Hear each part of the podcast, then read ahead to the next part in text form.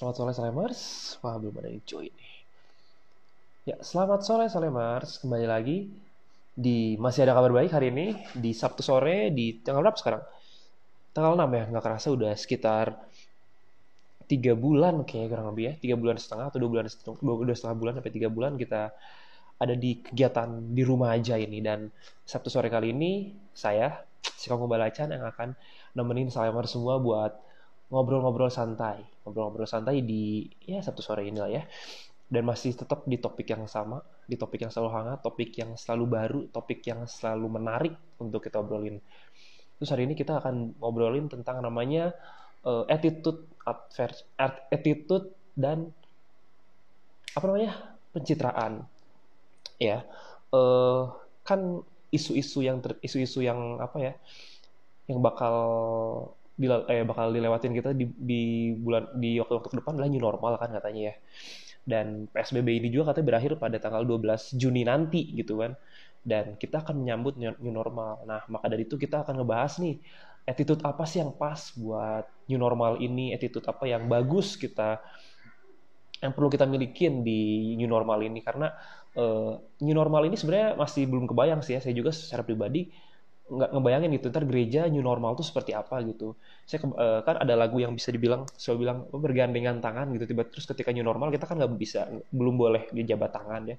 Terus gimana gitu atau misal kita kan biasa dengan salam JKIS tiba-tiba new normal uh, kita belum bisa salaman juga itu seperti apa? Masih belum kebayang sih. Nah terlebih daripada itu di kegiatan di kehidupan sehari-hari kita juga di pekerjaan di kuliah ataupun di sekolah itu pun seperti apa new normal tuh belum kebayang. Dan tapi ada satu yang pasti yang satu yang nggak berubah itu adalah attitude gitu. Attitude itu adalah sikap kita terhadap menyikapi sesuatu attitude kita terhadap atasan attitude kita terhadap eh, rekan-rekan. Nah itu kan tidak berubah ya sekalipun new normal sekalipun ada situasi yang baru gitu.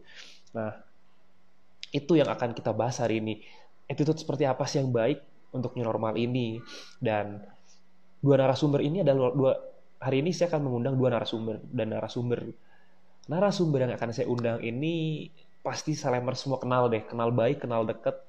Walaupun mereka tidak terkenal di luar, tapi mereka pasti Salemers kenal. Terus,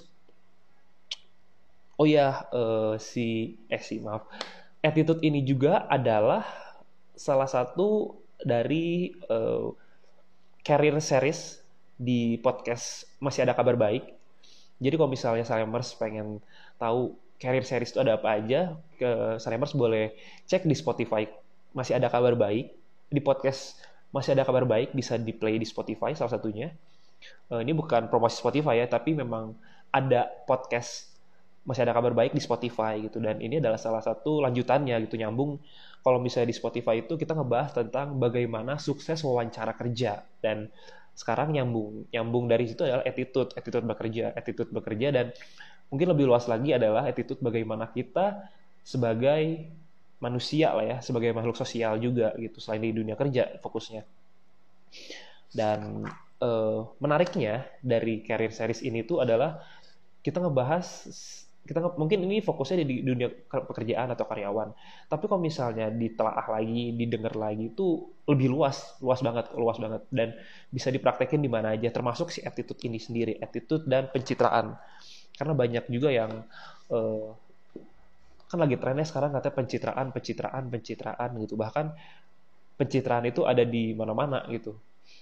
Ada di mana-mana tuh misalnya di hubungan atau misalnya di hubungan berpacaran hubungan suami istri saya nggak tahu ya hubungan berpacaran terus atau tengah temenan atau bahkan di kalau misalnya di kantor-kantor sudah kayaknya udah pasti ya pencitraan tuh.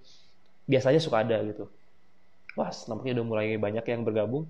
Uh, saya mau sapa-sapa dulu sebagai orang pertama. Shalom Bang Andi, sebagai peserta pertama yang join. Shalom Bang Maruli. Shalom Bang Jeff. Shalom Bang Ezra. Shalom Kak Sri. Shalom Kak Ani. Shalom Kak Sari.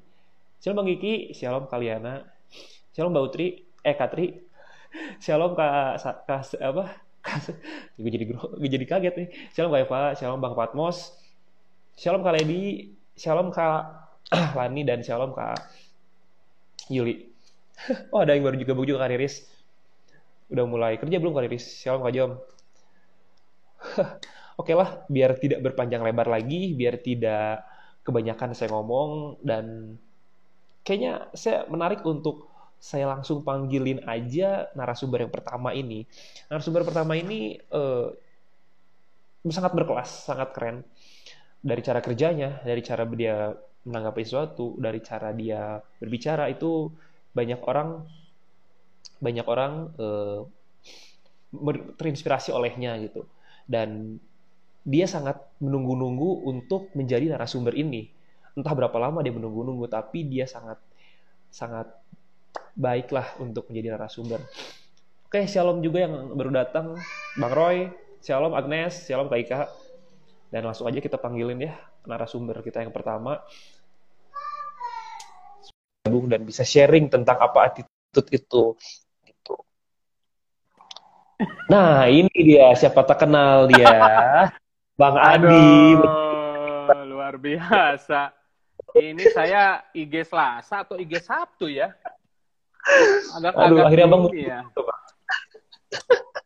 Shalom Dit, shalom Salemers. Aduh, dari tadi saya ketawa-ketawa sendiri loh. Nih Adit itu bang serius sekali gitu loh. Karena waktu itu ada pesan sponsor bang untuk untuk kali ini serius ya udah saya buat serius dulu sekarang. Okay. Lihat tadi baju pakai sekarang loh bang kita mirip loh 2012 bang. Luar biasa ini. Coba bajunya dong bajunya lihat dulu dong bajunya. Waduh, uh, ada Mas Adi. Halo Mas Adi, apa kabar Mas Adi? Aduh, itu ada ada rekan saya itu Mas Adi itu. Oh, rekan Abang. Aduh. Iya. Halo Mas Adi, rekannya Bang Andi. Iya. Hari Bang Andi jadi Udah berapa lama Bang menunggu kesempatan untuk menjadi sumber Bang hari ini Bang? Uh, kira-kira 9 rembulan. Cih, 9 rembulan. ya akhirnya Bang ya setelah biasanya Bang Selasa tuh bisa apa uh, bertanya-tanya sekarang Abang membagikan apa yang ada di pikiran Abang. Asik. Waduh. Ini kayak serius banget Bu hari ini Bang. Iya loh, ini kayaknya serius banget ini harus dikasih kuis kayaknya ini. Aduh. Halo, shalom salemers. Ya, inilah saya hadir. Biasanya saya ada di atas ya, sekarang saya ada di bawah ini. Jadi selamat sore salemers. Waduh, bahas apa nih itu? Harusnya dipin dulu. Oke. Okay. Oh iya, harusnya dipin dulu ya. Iya. Kita. Ya, kayak Mas Adi saya jelasin sebentar. Kita hari ini akan ngebahas tentang namanya attitude dan pencitraan gitu. Jadi karena kita akan masuki new normal, ketika kita akan memasuki suasana yang baru, kebiasaan yang baru, kita harus tahulah attitude yang baik itu seperti apa. Dan kan kalau misalnya normal dan kebanyakan ada di sosial, eh, sosial media, maksudnya bentuknya daring seperti ini, bisa saja kita pencitraan. Misalnya kayak saya ini pakai kaos, eh pakai kaos, pakai meja, belum tentu bawahnya. Pencitraan. itu pencitraan salah satu bentuk pencitraan. Tapi sayangnya sekarang kita saya pakai jeans bawahnya. Cuman nggak tahu bawahnya lagi sepatu atau enggak. Itu salah satu bentuk pencitraan yang biasa terjadi gitu. Hmm. apalagi kalau kawan-kawan kan ngumpul-ngumpul gitu. Kelihatannya sudah mandi padahal itu kan cuma gel gitu. Itu bisa aja gitu. Oh. salah satu bentuk pencitraan. Banyak banget ya. Banyak banget pencitraan yang bisa terjadi. Hmm. oke bang Andi. Oke. Bang kita langsung aja bang ya biar ya. nggak ya. kepanjangan biar orang bisa tahu lah bang Andi itu ngebagiin apa gitu bang hmm. ini nih bang Siap.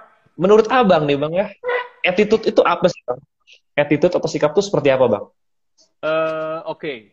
uh, eh, jadi uh, menarik ya kalau ngomong attitude jadi saya coba uh, artikan attitude kalau dalam bahasa Indonesia itu attitude itu sikap tingkah laku atau perilaku seseorang dalam berinteraksi ataupun berkomunikasi dengan sesama manusia. Jadi saya ulang lagi, sikap, tingkah laku, atau perilaku seseorang dalam berinteraksi ataupun berkomunikasi dengan sesama manusia.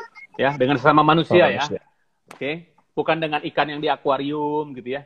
Itu bukan gitu ya. attitude itu dengan sesama manusia ya. Jadi jangan salah, attitude dengan ikan bagus, attitude dengan sesama manusia Ah, titik-titik gitu. Gimana ceritanya tutup dengan ikan, Bang? Ikan tidak punya titut, Bang. Kurang lebih itulah, Mas Adit. Itu attitude. Oke, jadi maksudnya adalah hubungan hubungan sosial dengan manusia gitu, Bang ya. Uh, nah, Bang. Bukan bukan bukan uh, hubungan sosialnya, tapi sikapnya, tingkah laku dan perilaku. Jadi maksudnya sikap kita, tingkah laku kita, perilaku kita dalam berinteraksi, tadi bersosialisasi berkomunikasi dengan sama manusia. Jadi ada sikap, ada tingkah laku, ada perilaku. gitu. Jadi ada tiga kesatuan bang ya. Kalau misalnya di Alkitab kan mencari, mengetok, eh meminta, mencari, mengetok. Nah ini kan kalau di itu tuh tiga hal ini bang ya. Sikap, perilaku, dan tingkah laku bang ya? Sikap, tingkah laku, perilaku. Ya. Oh, sikap, ya. tingkah laku, dan perilaku. Oke bang. Kalau uh, kalau kalau sorry gue tambahin kalau di uh, kalau kalau bahasa apa di di literatur yang lain attitude itu uh, karena bahasa Inggris nih ya attitude itu yes. ABC ABC itu A-nya itu afektif B-nya itu behavior C-nya itu kognitif. Jadi afektif itu perasaan kita, behavioral itu action kita, sikap kita, kognitif itu ada evaluasi kita.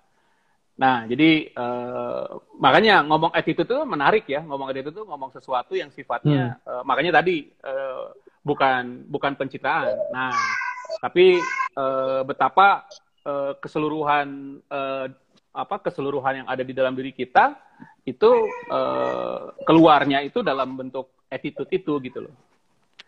Keseluruhan bang, yang menarik ada kata keseluruhan. Berarti yeah. kalau keseluruhan itu kan uh, yang suatu yang panjang bang es yang maksudnya bukan yang hmm. baru ya baru-baru baru-baru maksudnya ya yang dibuat-buat atau misalnya hmm. yang yang ya baru sebulan atau ya baru menyesuaikan jadi itu tuh berbicara tentang sesuatu yang dibangun dan panjang berarti bang ya bisa dibilang itu bang ya betul jadi kita kalau ngomong kalau kalau bicara attitude itu bukan temporer bukan sesuatu yang hanya uh, temporer itu artinya uh, ya tadi makanya kalau temporer itu Eh, bisa ke arah pencitraan gitu loh. Tapi attitude itu hmm. kalau uh, di apa? Attitude itu sesuatu yang sifatnya permanen, sesuatu yang sifatnya memang uh, uh, sudah dibangun terus dan dibangun terus. Kalau uh, pencitraan itu dibangun sebentar, tergantung uh, mau apa gitu kan, tujuannya seperti apa. Makanya kalau uh, saya coba sharing di dunia kerja gitu ya, katakan di dunia kerja, hmm. uh, ada ada attitude di dunia kerja, ada juga pencitraan dalam dunia kerja. Pencitraan dalam dunia kerja, misalnya paling gampang adalah paling mudah, paling sering, paling sering terjadi adalah uh, pencitraan di depan atasan, pencitraan di depan customer, pencitraan di depan hmm. uh, apa ya pot, uh, calon customer atau di depan atasan karena ada tujuan. Misalnya pencitraan di depan atasan mungkin mau naik karir gitu ya kalau pencitraan di depan customer supaya customernya beli. Nah, pencitraan di sini maksudnya apa? Pencitraan di sini maksudnya adalah uh, bisa jadi dia bersikap sepertinya ramah gitu ya. Sepertinya ramah, yep. sepertinya baik. Kan tadi kan attitude itu sikap, tingkah laku dan perilaku. Tingkah lakunya itu baik, tingkah lakunya itu sepertinya uh, apa uh, begitu begitu melayani gitu ya customernya. Padahal sebetulnya dia nggak begitu gitu loh. Nah, itu namanya hmm. uh, pencitraan tadi gitu loh uh, dalam pengalaman saya bekerja ya, uh, saya ngalamin juga gitu bahwa uh, baik uh, saya kerjanya sales nih ya, saya kerjanya sales, saya jualan, jualan, jualan barang-barang uh, gitu ya. Dari tahun 2000 berapa saya jadi sales ya? Dari tahun dari SMA saya sebetulnya sales, by the way. sales donat. Saya tuh saya ya, donat. Itu itu tak pernah saya bisa lupain ya. Itu saya diajarin sama Cassandra ya waktu itu saya dijadiin sama Cassandra. Waktu itu saya uh, apa ya tumbuh sebagai orang yang apa namanya um, waktu ketemu donat ini me menjadi orang yang berani ya untuk menghadapi orang. Uh, di situ uh, apa namanya saya kalau ketemu waktu itu kita jualan benar-benar door to door ya. Di situ saya ya. pelajaran berharga di momentum itu adalah bahwa saya ketemu orang yang baru saya kenal, tetapi gimana caranya orang yang baru saya kenal itu bisa beli donat. Nah, hmm. menurut saya uh, kalau saya pada saat itu pakai pencitraan, wah saya bisa uh, apa ya, bisa seakan-akan seperti uh, apa namanya, seperti orang yang uh, udah jualan donat lama banget gitu loh. Tapi betul-betul saya ya apa, apa apa adanya ya waktu itu ya. Jadi memang dengan segala ke ke ke keluguan saya, saya tuh lugu ya dari dulu sampai sekarang. Asik lugu. lulu gua, gua mana tuh lugu? Lulu gua gua maksudnya. Jadi uh, ya dengan apa adanya nawarin donat ke, ke ke door to door ya, ngetok pintu, ngetok pagar, ada anjing menggonggong dan lain sebagainya gitu loh. Tapi pengalaman itu ber, e, menjadi satu hal yang sangat berharga saya bawa bahkan membentuk karir jualan saya dengan e, sampai dengan sekarang yaitu ya hadapi customer gitu ya dengan memang e, apa adanya siapa adanya e, kita gitu loh. Memang nggak salah hmm. untuk menarik perhatian customer, tapi jangan sampai kita tuh berubah kepribadian. Apalagi nih lagi zaman new normal sekarang nih ini kan pandemik ini kan uh, ada banyak hal kita lakukan, kita nggak ketemu tiga bulan gitu ya. Uh, semuanya kan serba virtual. Serbunya serba, serba nah, virtual. Iya. Nah, serba virtual itu ya kita nggak ketemu fisik. Pasti ada ada yang berubah ketika kemudian kita masuk ke area new normal, di mana kita akan ketemu fisik dengan customer kita, dengan teman kerja kita, uh, dan lain sebagainya. Gimana gimana juga, menurut saya ketemu fisik ya dengan ketemu virtual akan beda. Ini kayak kita nih ketemu Betul, begini nih ya, dengan ketemu fisik akan beda. Dan biasanya eh, hal-hal uh, yang sifatnya real itu akan kejadian ketika kita ketemu fisik. Misalnya ya ya kita di sini bisa rame gitu ya, tapi pas ketemu fisik kayaknya, hmm, nah bisa kelihatan tuh. Semuanya itu bisa kelihatan. Nah makanya penting untuk kita tuh punya attitude yang baik, bukan pencitraan hmm. yang baik, gitu maksud saya. Bukan bukan pencitraan yang baik, tapi attitude yang baik. Karena uh, atasan kita akan melihat uh, attitude kita Mungkin ada beberapa ya bisa bisa saja terjadi kemungkinan orang yang dengan pencitraan yang baik dia karirnya bisa bagus. Tetapi pengalaman saya mengatakan bahwa pencitraan yang baik itu sifatnya hanya temporer. Akan ada satu waktu di mana mungkin itu masalah pekerjaan, testing pekerjaan, dia di challenge, akan membuktikan dia itu pencitraan atau attitude. Dulu saya punya pernah punya pengalaman ya, saya bagiin satu pengalaman. Dulu saya pernah lihat teman kerja saya, itu tuh dia itu bisa sedemikian ramah dengan customer. Ramah banget dengan customer kalau saya sih dengan Mas Adi ramah hmm. ya. Ini Mas Adi ini salah satu customer saya nih. nah, jadi oh, customer. Uh, customer saya itu sampai dengan sekarang kita tetap berhubungan gitu ya. Uh, jadi waktu itu uh, saya lihat bapak ini senior saya ini kalau nelfon customer luar biasa gitu. Saya kami pergi ke customer juga luar biasa. Tapi kalau dia nerima telepon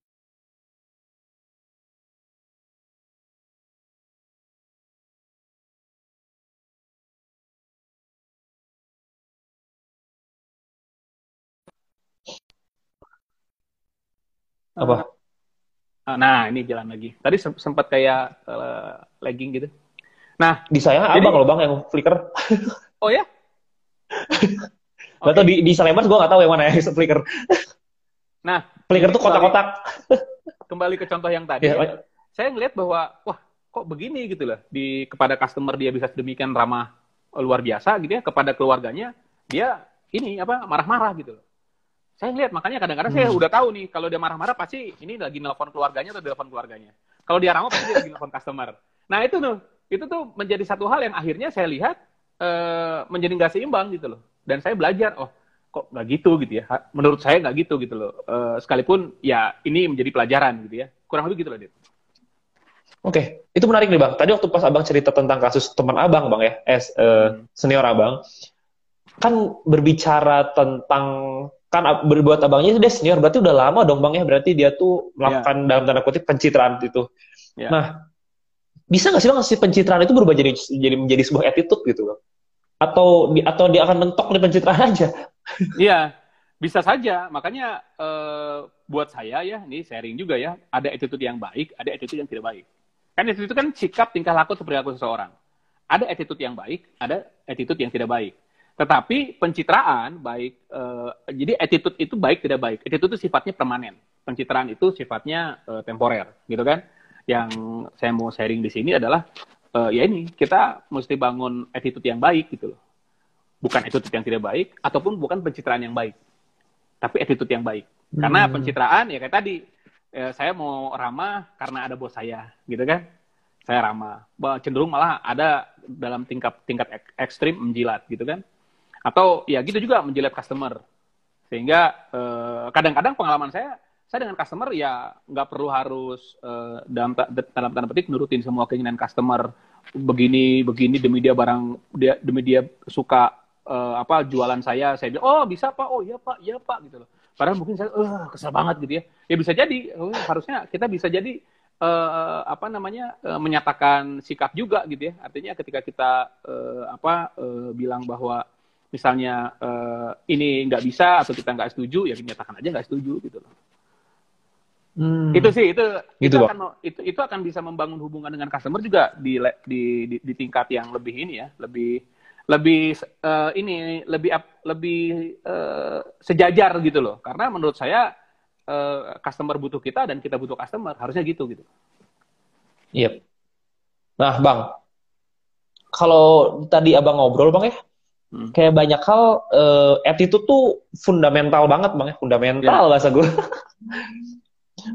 yang pasti gitu. Nah, buat ngerubah attitude, attitude kan berarti banyak banget dibutuhkan ya apalagi kalau misalnya abang bilang itu tuh ada ngomongin lebih lanjutnya bagaimana kita membangun dengan customer kalau misalnya abang kan sales dan begitu juga kalau misalnya pekerjaan kita guru atau misalnya kita mahasiswa itu kan membangun kita membangun diri kita juga kan bang ya hmm. nah butuh butuh usaha segimana sih bang menurut abang? Ini menurut abang ya pribadi.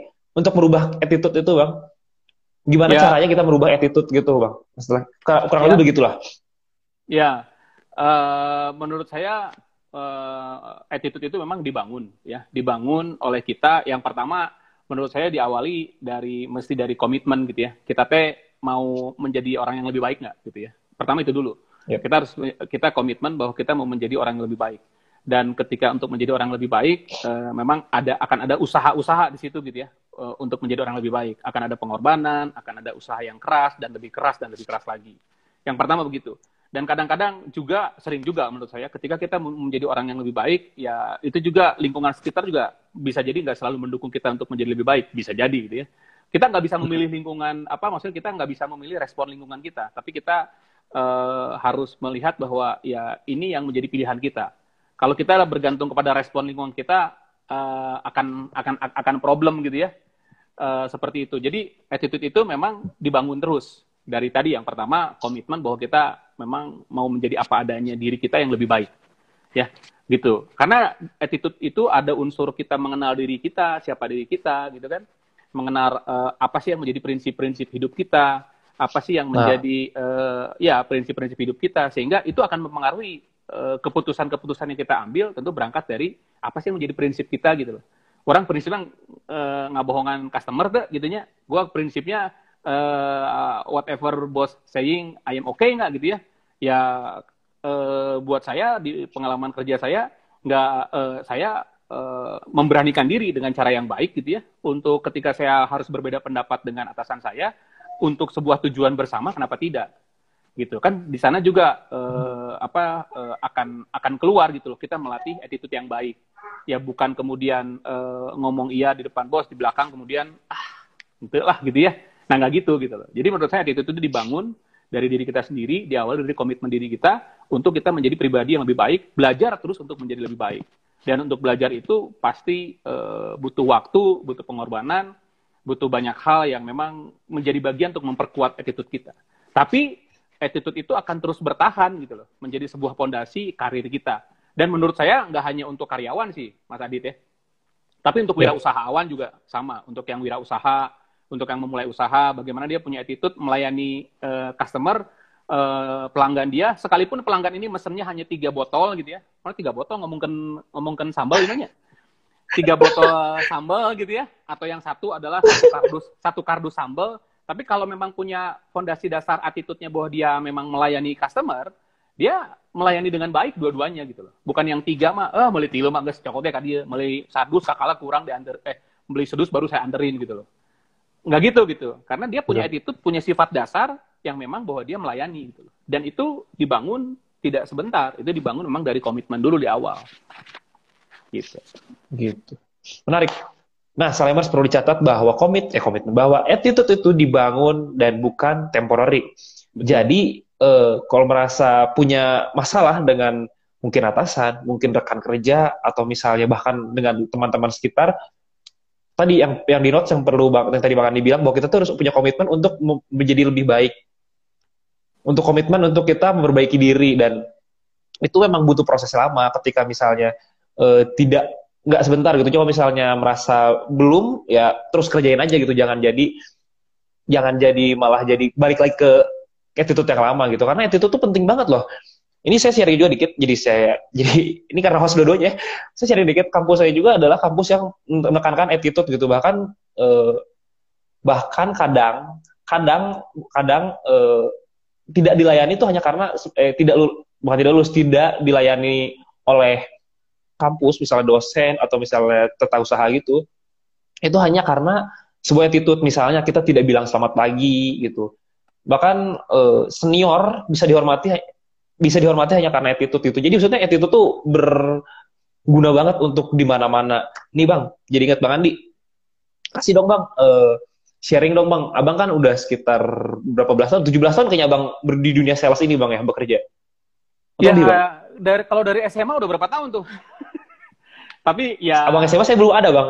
Belum ada ya? Oh serius lu, emang gue setua itu ah, ada-ada aja. Tapi uh, kalau kalau pertama kerja itu di tahun uh, 2001 lah ya berarti ya. Berarti udah berapa tahun tuh? 2001. 19 tahun. 19 tahun ya, 19 tahun. Ya 19 kurang tahun. lebih 19 tahun lah ya. Nah, uh, tadi pertanyaannya apa? Pertanyaan apa tadi? Oh ini nih ada yang nanya tuh. Uh, ya gue lupa tadi. Sebenarnya ini sebenarnya bang, ini mirip sama yang pertanyaan yang Kariris tanyakan sebenarnya. Jadi maksudnya uh, boleh sih bang share share ke kami gitu bang ya, ke kami ke saya dan para selebers yang dengerin di rumah juga. Attitude apa aja sih bang yang abang tuh yang abang pupuk dari dulu, yang abang tanam dan abang kasarnya sampai sekarang tuh abang hidupin gitu. Dan bahkan bisa juga contoh-contoh yang dulu uh, abang seperti apa, sekarang abang perbaiki jadi seperti apa. Jadi ada contoh real yang bisa dibilang bisa kita praktekin juga bang gitu bang. Ya mirip sama apa yang ditanya Kariris. Kariris itu sati. Ya. yang uh, oke okay, yang yang yang pertama uh, be a helpful a helpful person. Jadi jadilah orang yang memang uh, selalu ingin menolong. Ya baik itu uh, rekan kerjamu bosmu customermu kompetitormu gitu ya. Uh, ya pribadi yang menolong gitu loh. Artinya uh, saya saya waktu itu uh, punya pengalaman uh, saya datang kepada customer saya, kita lagi ngobrol gitu ya, uh, saya datang ke ruangannya, ke mejanya, kemudian uh, lagi ngobrol rame, ya saya juga uh, lagi melakukan pendekatan ya, sales kan datang ngobrol yeah. supaya dia bisa beli barang. Tapi kemudian di di di satu momen, kemudian dia dapat uh, dia dapat telepon. Saya tahu, saya melihat wajahnya dapat telepon. Uh, uh, saya melihat wajahnya langsung panik gitu, dapat wah ada apa nih ya? Saya tunggu sampai teleponnya selesai kan. Uh, terus saya tanya Pak, yep. ada apa Pak? Saya bilang, aduh ini nih anak saya masuk rumah sakit gitu loh. Anak saya masuk rumah sakit di Jakarta anaknya. Waktu itu saya di uh, kami di Bandung di kantornya di Bandung. Dia bilang oh anak anak saya masuk rumah sakit katanya. Aduh saya mesti berangkat dulu nih gitu kan. Nah waktu itu saya bilang e, mungkin saya bisa bilang oh iya pak hati-hati pak gitu ya. Tapi waktu itu saya pikir aduh anaknya masuk rumah sakit. Terus dia ke Jakarta. Hmm. terus uh, waktu sebelumnya saya tanya pakai apa? Pakai mobil? Waduh saya bilang Lalu saya langsung ngomong aja, uh, uh, saya pikir saya temenin deh, takutnya dia uh, ada apa-apa di jalan kan si bapak ini kan. Akhirnya uh, saya saya nggak mikir apa-apa yang lain saat itu ya. Saya hanya mikirin bahwa si bapak ini harus nyampe ke rumah ke rumah sakit, ke anaknya yang masuk rumah sakit IGD dengan selamat gitu loh. Akhirnya saya temenin si bapak ini. Saya temenin di mobil gitu ya. Dan di mobil pun kita nggak banyak yeah. ngobrol gitu loh. Saya hanya uh, ngejagain si bapak ini supaya memastikan karena pasti kecepatan tinggi ya dari Bandung ke Jakarta lewat tol waktu itu sampai dengan ke rumah sakit gitu. Ya udah, uh, saya nggak punya persiapan ke Jakarta ya, langsung aja nemenin mobil gitu ya, jebret, saya masuki uh, ke, rumah sakit. Sampai di rumah sakit, ya udah saya saya antar si bapak itu sampai dengan masuk ketemu ketemu ketemu uh, istri dan anaknya dan anaknya yang masuk rumah sakit udah di dalam. Itu salah satunya gitu, menjadi helpful person. Dan dan sejak saat itu sampai dengan sekarang ya bersyukur bahwa uh, kami punya hubungan yang tidak tidak tidak tidak tidak tidak hanya dari seller dan buyer, tapi dari antar manusia. Yep. Itu satu helpful person. Oh. Yang kedua yaitu uh, yang kedua contoh praktisnya adalah yang pertama mau mental punya menolong ya, mental mau menolong. Yang kedua itu adalah uh, apa namanya uh, uh, honest ya jujur ya, artinya jujur. Yep. Artinya uh, salah satunya dengan dengan dengan bos gitu ya, ya yang namanya di dunia kerjaan dengan bos kadang-kadang kalau pengen nyenengin bos ya asal bos happy ngomong apa aja pencitraan gitu pencitraan kan. tadi bang. Uh, tapi saya ngalamin gitu. Saya sempat ngalamin juga ketika saya selalu menyenangkan si bos satu saat memang saya mentok. Mentok ternyata memang yang saya komitmen kan nggak bisa saya pertanggungjawabkan gitu loh. Akhirnya hmm. saya melakukan pendekatan dengan bos saya e, bos hmm, yang ini memang kayaknya susah nih bla bla bla gitu saya bilang gitu kan. Oh kenapa? Ya karena begini begini begini gitu loh. Terus saya juga komunikasikan kalau ada masalah di customer, ju, uh, saya nggak everything oke okay di depan si bos gitu loh. Bos ada masalah di customer satu, dua, tiga gitu loh, empat, lima, enam, nggak saya tutupin gitu loh masalah itu. Saya katakan secara terbuka kepada bos saya, karena saya saya saya punya prinsip bahwa masalah dalam pekerjaan itu adalah masalah yang uh, nggak semua bisa saya selesaikan sendiri. Ada masalah-masalah yang harus diketahui oleh keseluruhan orang kantor, keseluruhan tim, sehingga secara kolektif menemukan jalan keluar dan itu sering sekali terjadi bahwa memang kalau masalah disimpan saya sendiri, kemudian tiba-tiba nge-booming, wadah, malah ruginya sekantor gitu loh. Tapi ketika saya kasih hmm. tahu di awal, jujur saya kasih tahu di awal, akhirnya bos ngelihat, oh, oke, okay, ya udah, coba kita, kita, kita cari jalan keluarnya. Ketika masalah saya ceritakan, saya bagi kepada bos saya, saya merasa lebih tenang karena wah ini dibantu bareng-bareng nih. Nah gitu gitu. Yang dua itu kali ya yang coba saya bagiin uh, hal praktis ya, Mas Adit ya. Ya, berarti helpful dan honestly kita punya jiwa menolong dan jujur gitu bang ya. Ya dan itu nggak pencitraan gitu ya. Ya. Yeah. Uh, karena saya bilang kita bisa pura-pura jujur saat itu gitu. Tapi kemudian akan ada challenge dengan hal-hal yang lain. Wah ini gimana nih? Pasti kalau memang jujurnya nggak menjadi attitude, bisa jujur untuk hal-hal yang bisa dijujurin, gitu ya. Tapi kemudian susah untuk hal-hal yang, wah ini mah, eh jangan eh, apalagi hal-hal yang, wah ini mah dosa gua nih dan lain sebagainya. Gua nggak boleh nih kalau gini mah, mendingan gua pencitraan deh. Nah gitu loh. Jadi nggak pilih-pilih jujurnya. Helpfulnya juga nggak pilih-pilih sekalipun customer itu nggak ada misalnya dia memang nggak ada opportunity, nggak ada project yang akan kami bahas di depan, tetap ketika dia ini kita punya jiwa menolong gitu loh. Dan saya nge-push diri saya untuk seperti itu. Karena menolong adalah memang human to human, bukan seller yes. ke buyer. gitu loh. Keren nih Bang.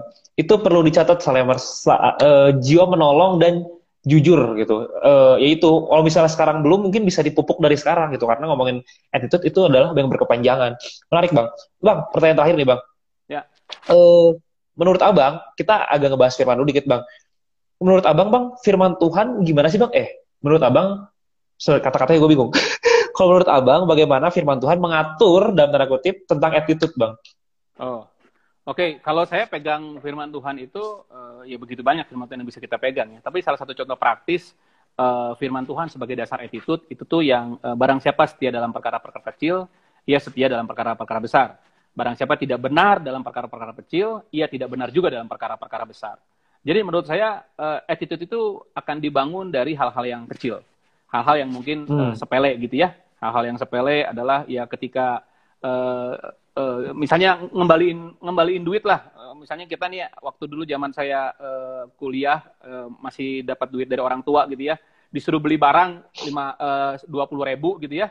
Kemudian uh, ternyata belinya itu total kembalian uh, totalnya sembilan belas ribu tujuh ratus, tiga ratus perak tuh. Tiga ratus yep. perak tetap dikembaliin gitu loh. Urusan duit ya. Jadi kita belanjain sekian kita balikin. Nggak kemudian uh, ini tiga ratus karena nggak ditanya ya gue ambil aja gitu. Nggak gitu gitu. Itu uang kita pertanggungjawabkan. 300 perak pun saya kembalikan gitu. Ya ya begitu juga. perak kecil ya. Begitu juga uh, wirausaha gitu ya. Ya misalnya ada kembalian ya balikin gitu loh.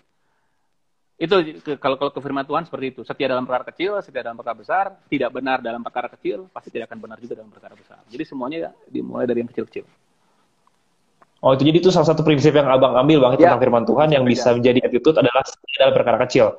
Betul. Jadi firman Tuhan yang saya pegang, oh. saya ini ya salah satu salah satu firman Tuhan yang saya pegang adalah tentang uh, setia dari dalam perkara kecil. Nanti kita akan dipercayakan hal, -hal yang besar. Pasti Tuhan akan percayakan hal yang besar setelah kita setia dalam hal, hal yang kecil.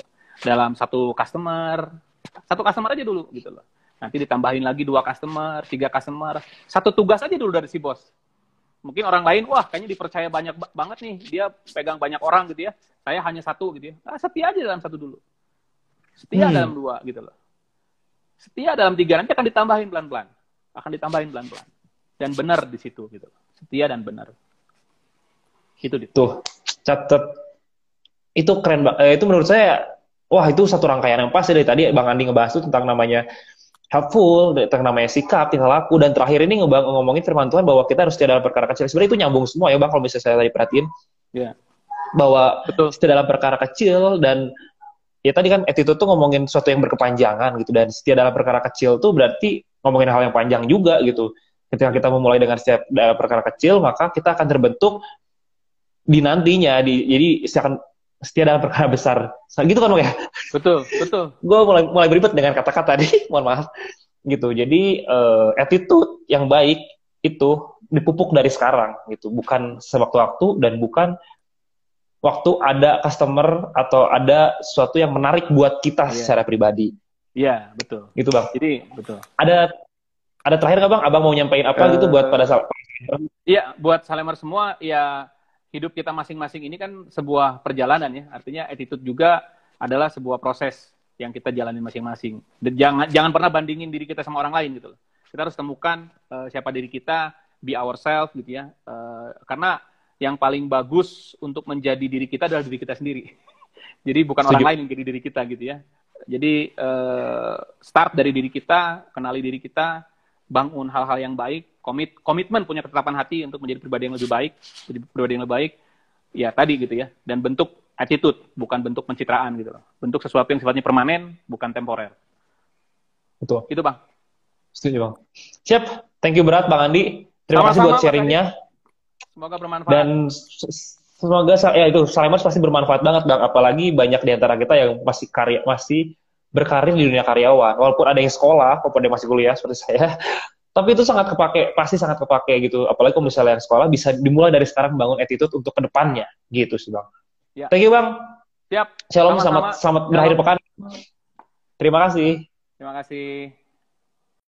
Oke, Slamers, tadi salah satu contoh dari eh, Bang Andi gitu ya, yang merupakan seorang karyawan yang dia sudah 19 tahun bekerja di dunia sales, persalesan, dan dia membangun attitude yang menurut saya cukup cukup baik gitu, cukup baik dan dan hasilnya pun terlihat gitu bagaimana kita melihat bahwa Bang Andi punya banyak customer loyal gitu. Dan tadi juga sampai ada customernya ikut live bareng sama kita gitu. Itu merupakan bentuk bahwa Bang Andi itu memiliki attitude yang baik sehingga bisa nyaman dengan customernya. Oke, saya mau undang nih eh, apa narasumber. Saya saya tadi customer loh. narasumber kedua gitu, narasumber kedua yang kalau tadi kita lihat dari sisi bisa dibilang karyawannya gitu. Nah, sekarang kita akan mengundang salah satu bos dari salah satu perusahaan di Bandung juga, salah satu perusahaan elektronik. Salah satu perusahaan lah ya, gue bilang, eh, saya saya bilang elektronik. Salah satu perusahaan di Bandung yang memiliki beberapa banyak karyawan ini juga Salaman pasti kenal sekalipun eh, dia tidak begitu booming di luar sana gitu. Tapi pasti Salaman kenal. Biar nggak biar nggak berlama-lama lagi, langsung saja saya panggilkan sebentar mana bapak ini. Oke, saya langsung panggilkan. Selamat datang di. Nah, ini dia Bang Jeffrey. Shalom Bang Jeff. Shalom, selamat sore Selamat Adit, sore. selamat sore semua. Nah, Bang, hari ini kita ngebahas juga Bang tentang attitude nih Bang. Kan Abang eh, salah satu kepala Bang ya di salah satu perusahaan di Bandung Bang. Boleh disebutin gak sih Bang mereknya? Promosi. Siapa tahu kan ada iklan, ada iklan, gak boleh iklan. Ya, ya, eh, saya kerja di DataScript. Ada data script sebagai kepala cabang, betul Bang ya? Ya, betul. Nah, sebagai kepala cabang. Nah, sebagai kepala cabang, Bang, ya, kita ngomongin attitude dan pencitraan, Bang. Kan tadi Bang Andi sempat ngebahas bahwa eh, banyak karyawan yang bisa bilang membuat pencitraan kepada bosnya. Nah, berarti bisa dibilang Abang banyak banyak bawahan Abang yang mungkin, mungkin dalam tanda kutip, melakukan pencitraan kepada Abang. Sebelumnya Bang, saya mau nanya dong Bang, ada berapa banyak sih Bang Abang mengepalai orang di data script ini Bang? eh kalau di Bandung ya, karena saya kan di cabang Bandungnya untuk Iya, di Bandung. Jawa Barat, eh, itu sekitar kalau di kantor itu 23 23 orang. Gitu seperti Itu udah termasuk sales ya, Bang? udah, udah udah termasuk termasuk. lapangan tuh 23 orang. Ada Iya, 23 attitude yang berbeda. Ada 23 orang yang berusaha untuk membangun karakter di depan Bang Jeff. Bisa dibilang seperti itu Bang ya. Nah Bang, buat Abang nih Bang ya sebagai kepala, eh attitude tuh seberapa penting sih Bang? Attitude tuh seberapa Eh. penting buat gitu Bang? Kalau di untuk saya ya atau misalnya untuk Iya. perusahaan saya eh, itu tuh kayaknya justru jadi kayak yang nomor satu ya gitu Oke. karena memang eh, dari beberapa mungkin banyak peristiwa gitu ya atau banyak kejadian eh, waktu pas ada ah, kan, kan saya lebih banyak interaksi dengan sales lah ya. Waktu pas banyak sales yang attitude-nya tidak baik sekalipun dia apa istilahnya jago jualan atau eh, apa eh, eh, jago apa namanya negosiasi ataupun misalnya jago menjual eh, itu tuh senantiasa jadi kayak ada deg-degan gitu. Deg-degan perusahaan tuh maksudnya deg-degan tuh karena ya ini tadi em, apa pengennya sih nggak gitu tapi memang ya itu tadi attitude, itu kayak sesuatu yang tidak mudah untuk diubah gitu ya. Iya. memang harus harus harus dari diri kita sendiri dulu yang menyadarinya gitu bahwa ada attitude yang salah. Nah jadi di perusahaan dan saya sendiri sih menganggap bahwa dibandingkan skill knowledge atau apa jadi kayak attitude itu kayak jadi nomor satu. Gitu dit. Jadi bisa dibilang paling utama bang ya untuk untuk Jadi- seorang karyawan. Iya, jadi jadi iya kan mungkin orang kan ada yang bilang ah yang paling penting skill gitu. Ah yang Nah, paling hmm. penting knowledge lah kayak gitu. Ah yang paling penting eh, apa eh, attitude. Nah, tapi kalau dari saya lihat eh, skill atau knowledge kalau di saya ya jadinya attitude yang di atas semuanya itu.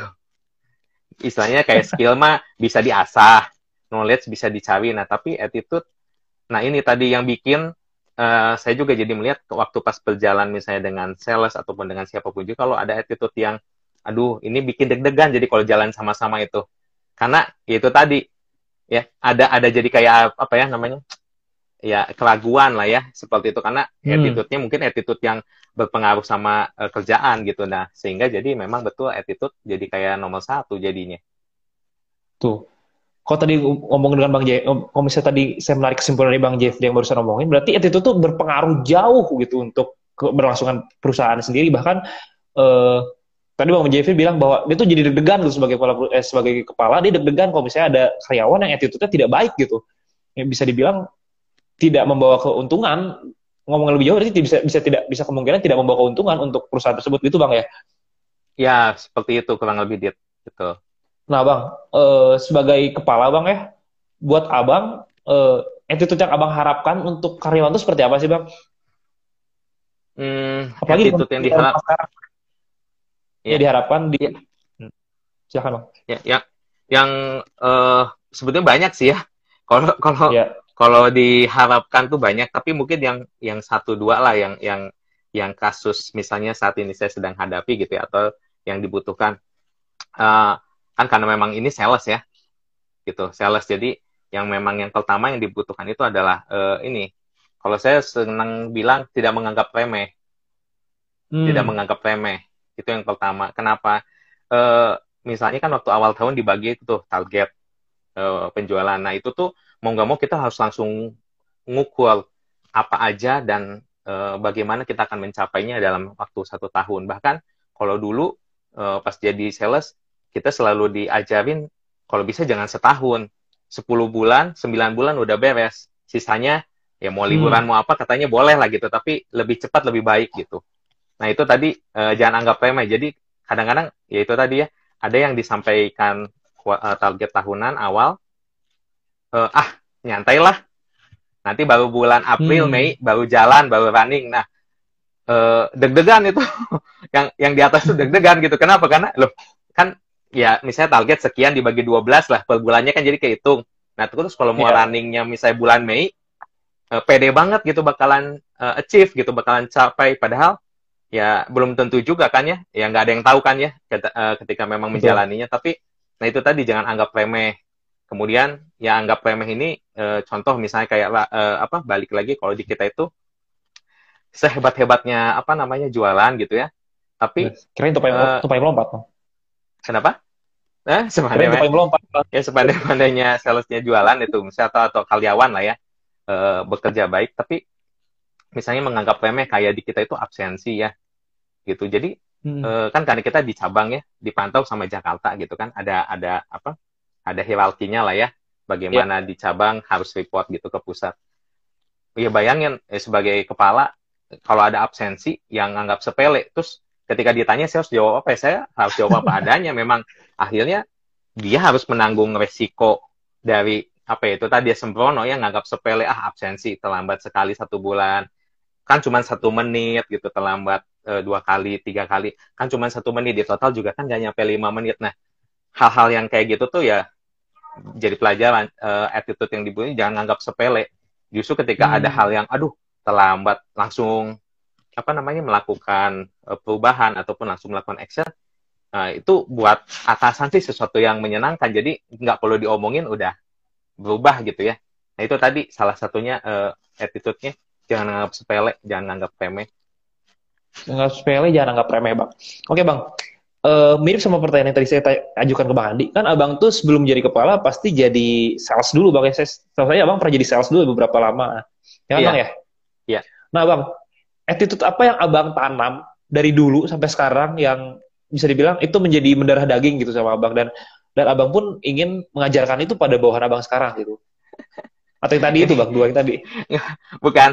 Tadi waktu pas uh, apa uh, Bang Andi narasumber pertama itu masuk uh, sempat tersenyum juga tertawa. Kok bisa sama gitu ya? Tapi apakah memang semua sales seperti ini? Jadi uh, ini nanti kalau sempat ngelihat di IG, IG kalau nggak salah, itu bio saya itu uh, saya itu nulis dari uh, Lukas 16 ayat 10. Ya, barang siapa setia dalam perkara kecil, ya setia juga dalam perkara besar. Makanya tadi bikin saya tersenyum. Loh, jangan-jangan ini tuh memang jurusnya sales, jangan-jangan. Jadi, Jadi bang, mungkin itu sales lagi. Uh, nanti nanti kayaknya bisa di dikupas nih ayat apa ayat ini tuh kenapa hubungannya dengan sales kok begitu kuat gitu. Tapi beneran bukan bukan rekayasa sama sama itu tadi memang memang uh, apa dari dulu kan uh, mulai dari sales itu memulai dari uh, hal yang saya pikir ya saya juga memulai dari yang kecil ya. Uh, kalau dulu ada teman mungkin yang ini ingat dulu pas mulai jadi sales itu uh, apa nggak uh, punya pengalaman apa-apa gitu dan mulai dengan di kantor juga ternyata nggak dikasih customer kita harus cari sendiri jadi bukan dikasih database oh. Harus cari sendiri. oh, gitu, nah itu betul saya betul ya, saya. iya. Jadi nggak saya dulu masuk nggak dikasih database silahkan ini gitu. Enggak tapi cari sendiri. Nah jadi waktu itu yang senior saya tanya ya gini tapi hanya saya waktu itu nanya sama bos uh, sehari itu berapa? Ya kalau bisa kunjungan itu katanya lima eh empat atau lima lima empat sampai lima gitu sehari. Oke, 4 sampai 5 ya waktu itu jalanin. Tapi pengalaman itu memang jadi membuktikan dalam waktu satu tahun ya eh, itu apa database customer saya sendiri banyak yang bukan oh. dari orang lain, yang bukan punya sales lain, yang istilahnya juga mungkin nggak udah nggak dihandle sama sama yang lain, tapi eh, apa saya jalanin, saya masukin gitu sampai akhirnya dua tahun tiga tahun makin banyak lagi dan ya itu tadi dari yang kecil dapat satu dapat satu, datengin satu, kumpulin satu. Hal-hal yang kecil seperti bahkan dulu kan awal-awalnya mulai lebih banyak masih administrasi ya sebelum jualan. Ya tapi dijalanin di apa yang bos saya waktu itu eh, pas saya jadi sales sampaikan, ya saya ikutin, saya dengarkan seperti itu dan uh, waktu pas bos saya bilang ya niat gitu atau uh, harus apa namanya optimis atau apa itu saya dengarkan, saya jalankan, saya praktekkan juga ya di dalamnya. Jadi hal-hal yang kecil-kecil itulah sebetulnya yang jadi kayak fondasi modal ya sampai akhirnya bisa sampai ke sini.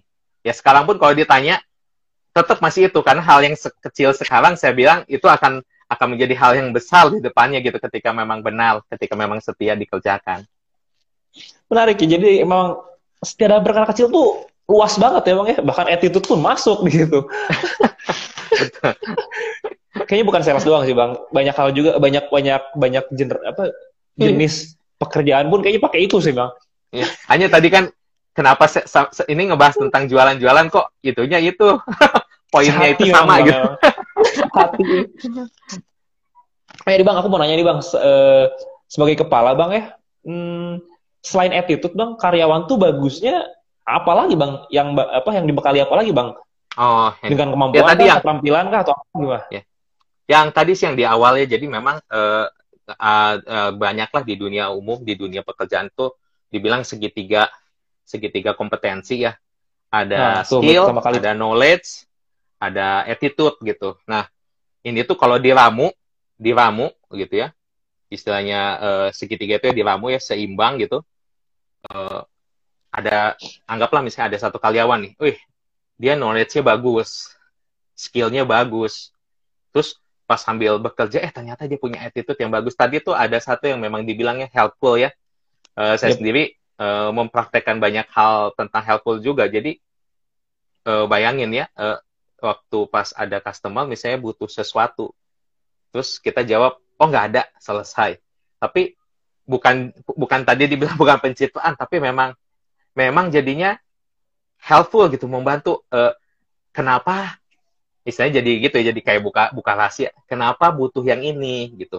Kenapa sampai hmm. butuh yang ini? Akhirnya cerita cerita cerita cerita oh nah dari cerita itu akhirnya saya menemukan oh ternyata urgensinya di mana di mana kalau memang akhirnya saya bisa memberikan solusi dan dia terima wah bersyukur banget kan memang itu kan sales kan ngasih solusi wah ternyata diterima pet gitu sama si yang menanyakan nah oke okay, bagus nah itu tadi skill, knowledge, sama attitude ya. Nah, jadi kalau attitude, oke okay, itu sama. Tapi jangan lupa, jangan ninggalin ini juga skill. Skill harus diasah, keterampilan, jam terbang. Uh, knowledge ya harus ditambahin. Jangan dari dulu kita cuma tahu uh, apa copy paste itu adalah copy, klik, paste, klik. Ternyata udah banyak rumus-rumus di komputer yang tinggal tekan tombol aja udah jadi. Nah, harus di-upgrade juga uh, knowledge-nya. Gitu. Oke. Okay tiga hal pas tiga hal penting skill knowledge dan attitude tuh itu ilmu baru kita ya hari ini jadi skill knowledge dan attitude kita harus dibangun terlebih attitude karena attitude bisa kau pakai di mana aja menarik bang terakhir nih bang ya uh, menurut abang bang ya di new normal ini bagaimana firman Tuhan dapat berpengaruh dengan attitude kita bang terutama dalam pekerjaan bang kalau abang ya. mau pakai contoh pribadi juga boleh sih bang ya yang pasti uh, tadi kan bicara attitude itu uh, bisa dibentuk ya, tapi dibentuk dengan apa? Yeah. Tentu saja dengan mindset duluan yang diubah. Nah, kalau mindset kita diisinya dengan hal-hal yang misalnya negatif, yang tidak tidak apa namanya, yang pesimis, yang melihat sesuatu ke depan sepertinya ah sudahlah, saya tiarap saja dan lebah di tanah gitu. Uh, attitude kita pun ya akan akan apa berubah jadi gitu. Tapi ketika memang kita tahu nih, misalnya kayak tadi kan ngomong ini firman Tuhan kita isi uh, hidup kita dengan firman Tuhan, kita isi hidup kita dengan apa janji Tuhan kita isi hidup kita, pikiran kita, hati kita dengan apa ide-ide gitu yang memang datangnya hmm. dari kebenaran, dari nilai-nilai firman Tuhan. Itu tuh attitude kita itu kita tahu bahwa kita sedang sedang sedang dibentuk kepada yang lebih yep. baik gitu. Paling satu dan itu tuh saya bilang ya tadi, saya bilang saya dari dulu sampai sekarang ngutip barang siapa setia dalam perkara kecil ya setia dalam perkara besar. Ya itu membentuk attitude seperti itu. Jadi ya harus diisi mindsetnya uh, pikiran kita, hati kita dengan memang yang apa uh, murni ya, eh, bukan murni kebenaran gitu, yang yang memang adalah apa uh, sesuatu yang hidup ya, bukan bukan dengan hal-hal yang ya saya bilang nggak penting, janganlah kayak gitu gitu om eh, om Adit lagi dia Adit kok jadi om Ada Nathan berarti itu bang ya. Jadi memang berarti firman Tuhan tuh bisa membentuk attitude kita lebih lebih lebih baik ya. Pisan, pisan.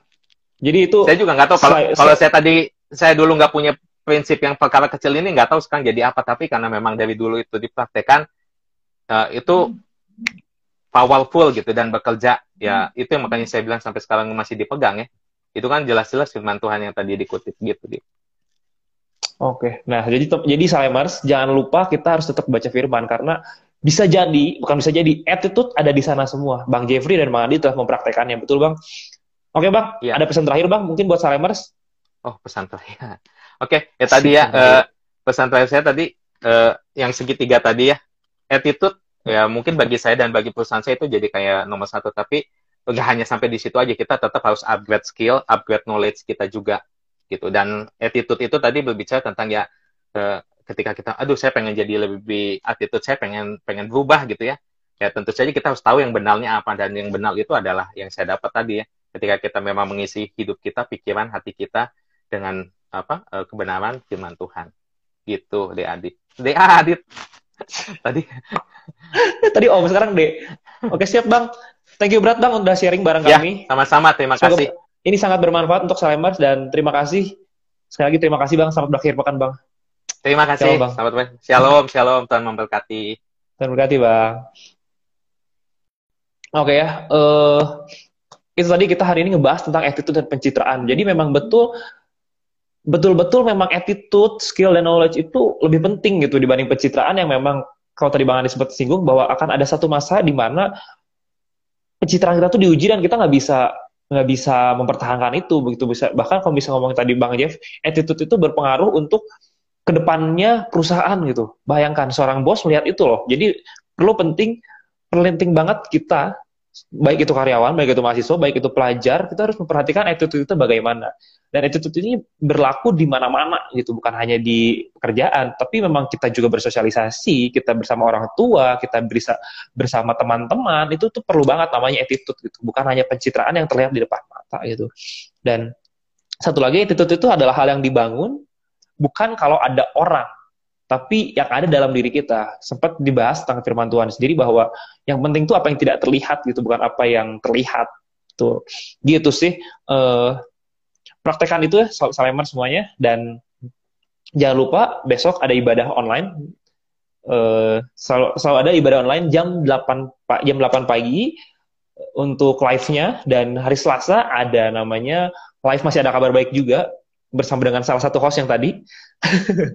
tadi kayaknya semua host ngumpul gitu untuk jadi untuk untuk untuk ngobrol di sini gitu dan jangan lupa untuk minggu depan juga masih ada di jam 5 sore masih ada jam 5 sore masih ada live, masih ada kabar baik dan stay tune bersama kami bersama host-host selalu ada topik yang baru, topik yang menarik, topik yang seru untuk dibahas dan kita nantikan minggu depan ini ada ada hal apa lagi yang bisa dibahas. Kalau hari ini uh, kita ngebahas tentang namanya karir, makanya agak resmi hari ini biar cocok kalau misalnya agak, agak misalnya biar cocok kalau misalnya kayak, kayak sebelum-sebelumnya kan kurang pas lah ya. Jadi nantikan hal kejutan apa yang ada di depan, hal kejutan apa yang bisa kita dengerin lagi.